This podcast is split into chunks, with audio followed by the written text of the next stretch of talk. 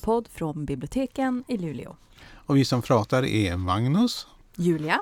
Och Helene. Och, nu. Nu och nu. Och nu. Har vi, och har nu. Vi, ska bli spännande det här avsnittet, för nu har vi, val, vi har inte valt efter tema, utan det är fritt val. Åh, det är alltid de svåraste avsnitten. Nej, Alltså, det vi är de bästa. Ja, nu ska vi se om vi kan sy ihop det här. Vi kanske hittar ett tematik som liknar varandra ändå. Ja, det har jag svårt med tanke på vad jag ska prata om. Men kanske. Kanske, kanske. Mm. Men det jag tänkte tipsa om idag är en bok som heter Om uträkning av omfång 1 av Solveig Balle, översatt från danskan av Ninni Holmqvist. Det här är ganska spännande, för jag har haft några kollegor som har läst den som inte tyckte den var lika bra som jag, så det kanske är lite av en vattendelare det här. Antingen gillar man det eller så gillar man det inte, vilket jag tycker är väldigt spännande. Och i den här boken, så det är ju tidigt på morgonen den 17 november och vår berättare Tara Selter säger hej då till sin man Thomas. Hon tar tåget till Bordeaux för årliga aktionen av illustrerade verk från 1700-talet. Hon och hennes man har en firma som köper och säljer illustrerade böcker från 1700-talet. Och det är ju böcker till rimliga priser det handlar med, tycker hon. Hon anländer i god tid till utställningscentret innan huvudaktionen. Hon hade bestämt redan innan vad hon skulle buda på och vad annat hon skulle hålla utkik efter. Hon lyckas buda in 12 verk och efter några timmar på auktionen och på ett antikvariat tar hon tåget till Paris och sent på kvällen anländer hon till hotellet. Och hennes plan för närmsta dagarna är att köpa in böcker till firman och träffa bekanta. Och när hon anlänt till hotellet så ringer hon sin man och berättar om sin dag innan det säger godnatt.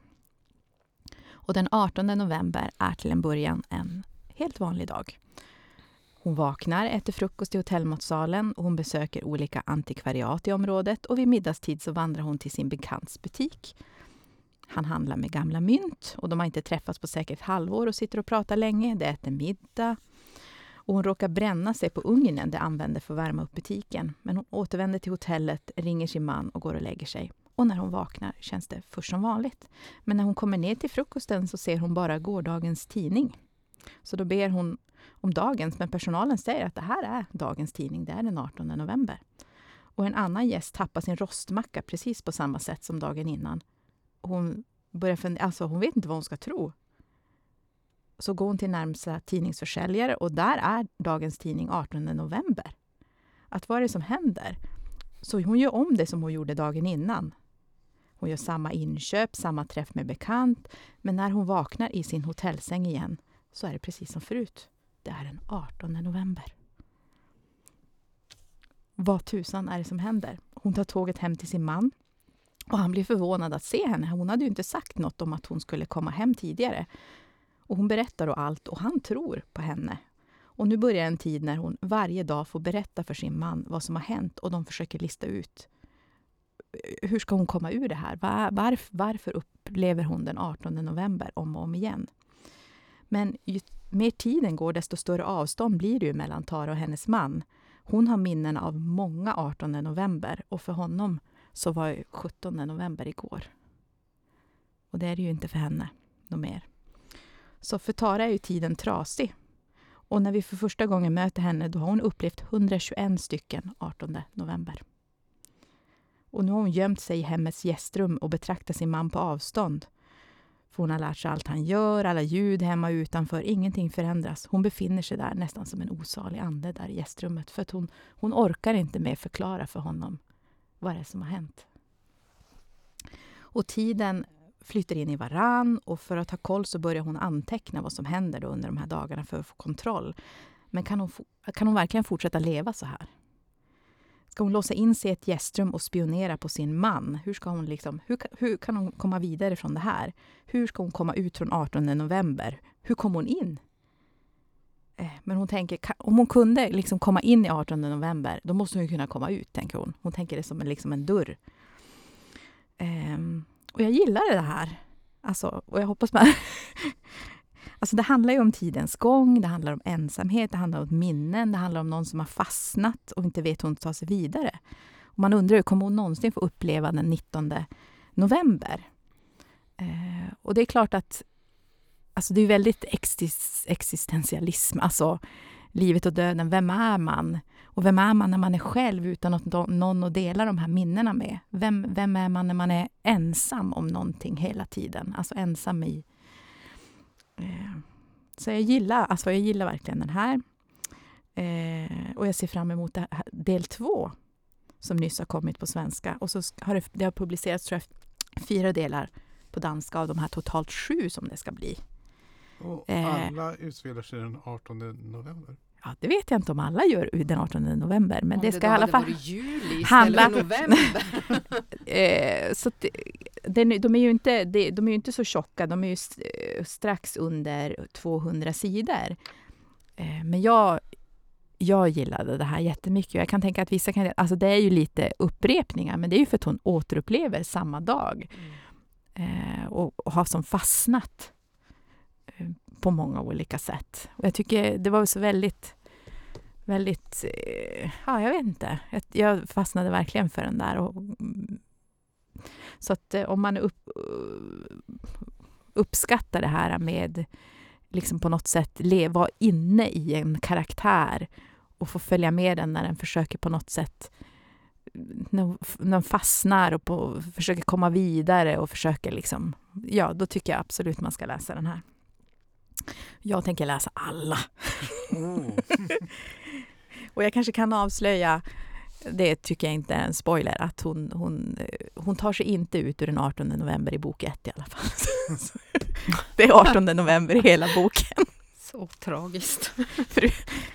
Men riktigt, riktigt bra.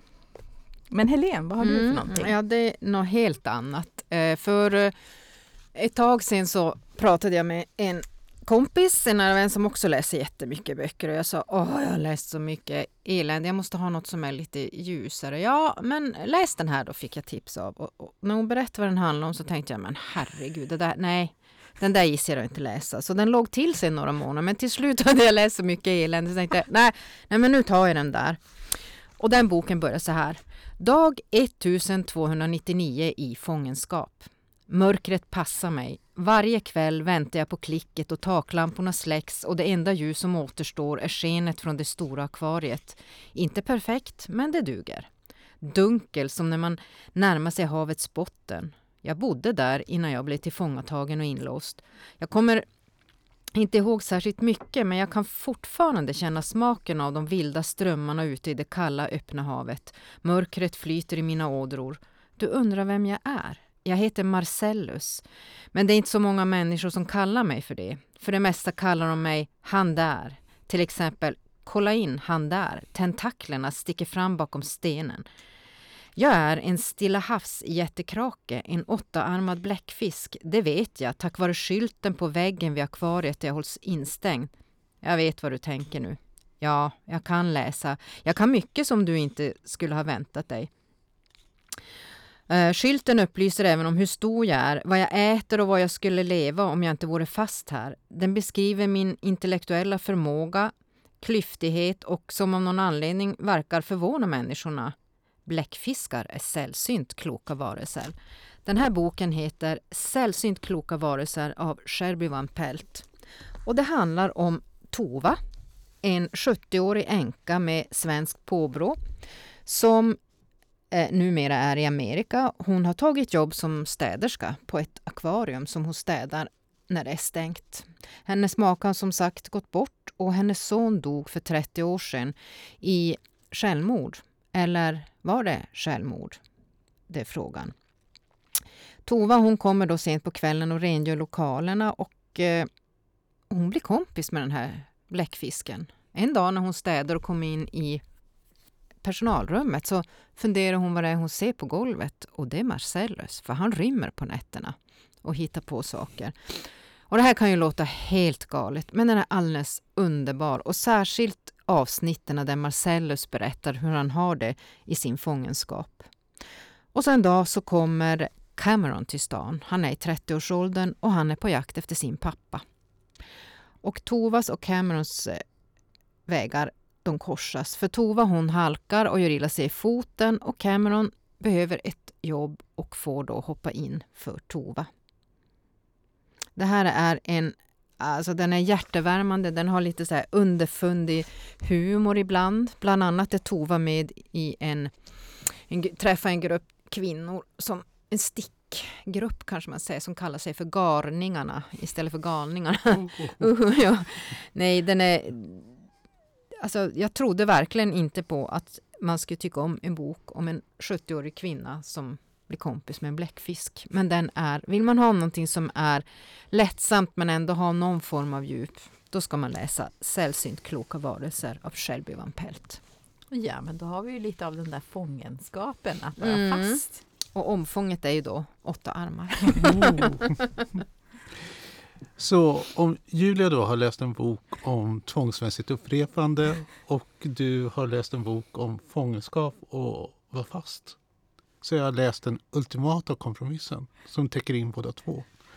Och det är The Woman in Me av Britney Spears. Woman in Me är en, faktiskt en ganska rörande bok därför att jag uppfattar Britney Spears som ett kaos. Men den är skriven alltså som helt rationellt. Hon visar på liksom hur hon är en produkt av eh, en släkt som har, är präglad av alkoholmissbruk, av mental sjukdom. Och eh, framförallt då hennes pappa som hon säger är alkoholist. Men även hennes mamma, hon nämner någonstans att eh, hur hon minns hur underbart det var att sitta och drick, dricka drinkar med sin mamma. Men istället liksom för hennes pappa som blev ledsen så blev mamman bara gladare. Jag antar att det gäller Britney Spears också då. Eh, men det som den handlar om det är ju liksom Britney Spears vilja till ett eget liv. Och hur då hon upplever att mamman har ställt sig för, i vägen för det pappan och sen fansen faktiskt. Det är som att hon eh, har fastnat i att vara en 14-åring. Alltså man får, eh, boken då, ska, The Woman in Me, det anspelar på en sång som hon har skrivit som handlar om en tonåring som eh, eh, inte har växt upp än men som har en kvinna i sig som ska komma fram. Och det får jag känslan när man läser den här boken. En ovanligt rationell 14-åring som är 40 år har skrivit den här boken. Alltså det är som att hon drömmer om att bli vuxen, få sitt eget liv, ta hand om sina barn. Men samtidigt händer ju aldrig. Och ibland när jag läser den så kommer jag att tänka på Kafka. Alltså Kafka har ju skrivit en bok om George Samsa som eh, försörjer sin familj och en dag vaknar upp och är en skalbagge. Och det finns alltså drag av det i den här boken också med Britney Spears som är den snälla flickan som försörjer sin pappa, hon försörjer sin syster, hon försörjer sin bror, hon försörjer sin mamma. Och en dag så rakar hon håret av sig och förvandlas liksom till den här skalbaggen. Den som ingen direkt, riktigt vet hur man ska hantera. Och allra minst Britney Spears själv. Och det kanske stämmer att hon verkligen lider av the good girl syndrom. Alltså att hon hela tiden anstränger sig eh, och gör det som folk har sagt till henne. Och trots att hon lyckas bra så fortsätter, hon bara vara olycklig. Jag som är ganska elak människa misstänker ju att hon har haft en skicklig spökskrivare som har skrivit det här. Eh, men det vinner boken på. Därför den, den skulle liksom kunna vara ett angrepp eller liksom ett ältande av allt hon har blivit utsatt för. Men den är väldigt nedtonad. Och någonstans så måste jag säga att jag kan känna väldigt mycket med den här kvinnan som finns i boken i varje fall. Hon finns i verkligheten, det vet jag inte. Och det är ju därför att jag har en väldigt skev bild av Britney Spears i och med att jag har ju, var, jag har ju aldrig träffat henne. Jag har ju bara upplevt henne genom medierna och eh, bilden hon projicerar av sig själv liksom, på sina skiv, skivomslag och eh, i, sina Instagram-inlägg. Och det hon säger är egentligen ganska vettigt. För hon säger att hon har en kropp, hon har rätt att använda den kroppen. Och att... Eh, fast jag vet inte, liksom, hon kallar sig fe feminist och hon är feminist. Men det är mycket att tänka på och jag tycker att den är läsvärd. Men jag skulle vilja eh, göra någon sån korsläsning med Stina Wolter. Och för att se vad man kommer fram till. Alltså det känns som att det kräver lite uppbackning. Ja, ja, så den är tankeväckande. Extremt tankeväckande. Och framförallt så kan man ju eh, titta på sig själv. Alltså varför läser man om en människa som man har ganska låg uppfattning om? Alltså läser Aftonbladet. Alltså det finns ju hela tiden den här sensationsgrejen. Samtidigt så har jag läst recensioner av den där, där människor som identifierar sig med henne verkar liksom mer läsa den som att oh, nu har hon äntligen nått något sorts lugn. Jag tycker det är sorgligast när man ser hon fast, eh, hon har, eh, har ju någon så här rebellskap mot auktoriteter och hur hon flyttar över det hela tiden. Alltså först är det pappan som är frånvarande. Sen är det mamman som är liksom för materialistisk och självupptagen. Och sen är det pappan igen som är för dominerande. Och sen är det fansen som ringer eh, 9-11. Liksom de blir... Eller 9, vad ringer man nu i USA? Jo, 911, ja. är det inte det? 911. Ja. 911. Mm. Ja. Eh, när hon, de blir oroliga för henne. Så det som hon hela tiden eftersträvar det är den villkorslösa kärleken. Och frågan är, om man nu är en förnuftig och ganska tråkig människa så frågar man sig, går den att uppnå? Jag försökte införa villkorslös kärlek i mitt förhållande och det slutade inte lyckligt. När jag förklarade att jag ville kunna komma hem på klockan fyra på morgonen utan att bli ifrågasatt så nej, det gick inte. så det som jag kan hoppas för Britney Spears det är att hon kanske lyckas bli den kvinna som hon vill vara. När jag läser om kändisar så här i, ja men som du mm. säger Aftonbladet, då brukar jag alltid tänka att det skulle vara så roligt någon gång man fick träffa någon och veta hur är de egentligen? Mm.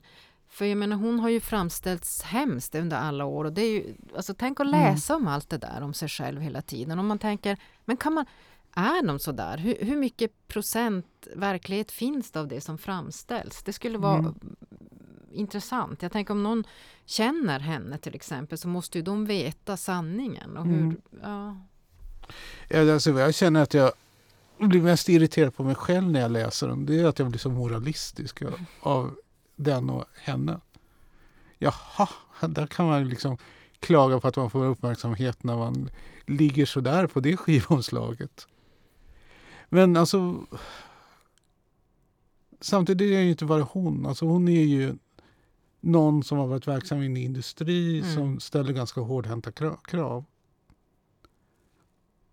Och någonstans kanske man måste välja. Alltså att antingen gör man vad folk säger och eh, når ut. Mm. Det är många som lever på henne. Ja. Nej, alltså den, den väcker må många tankar.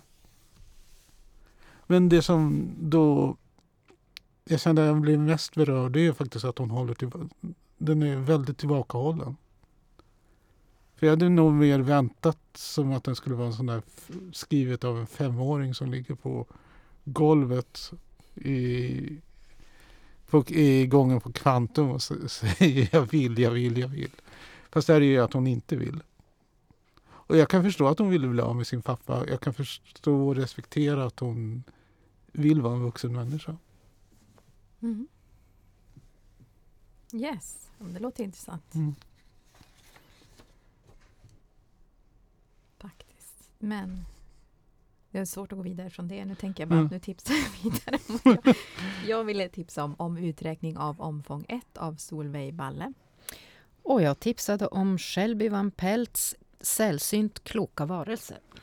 Och jag tipsade om The Woman and Me av Britney Spears. Ja. Yeah. Hej då. Hej då.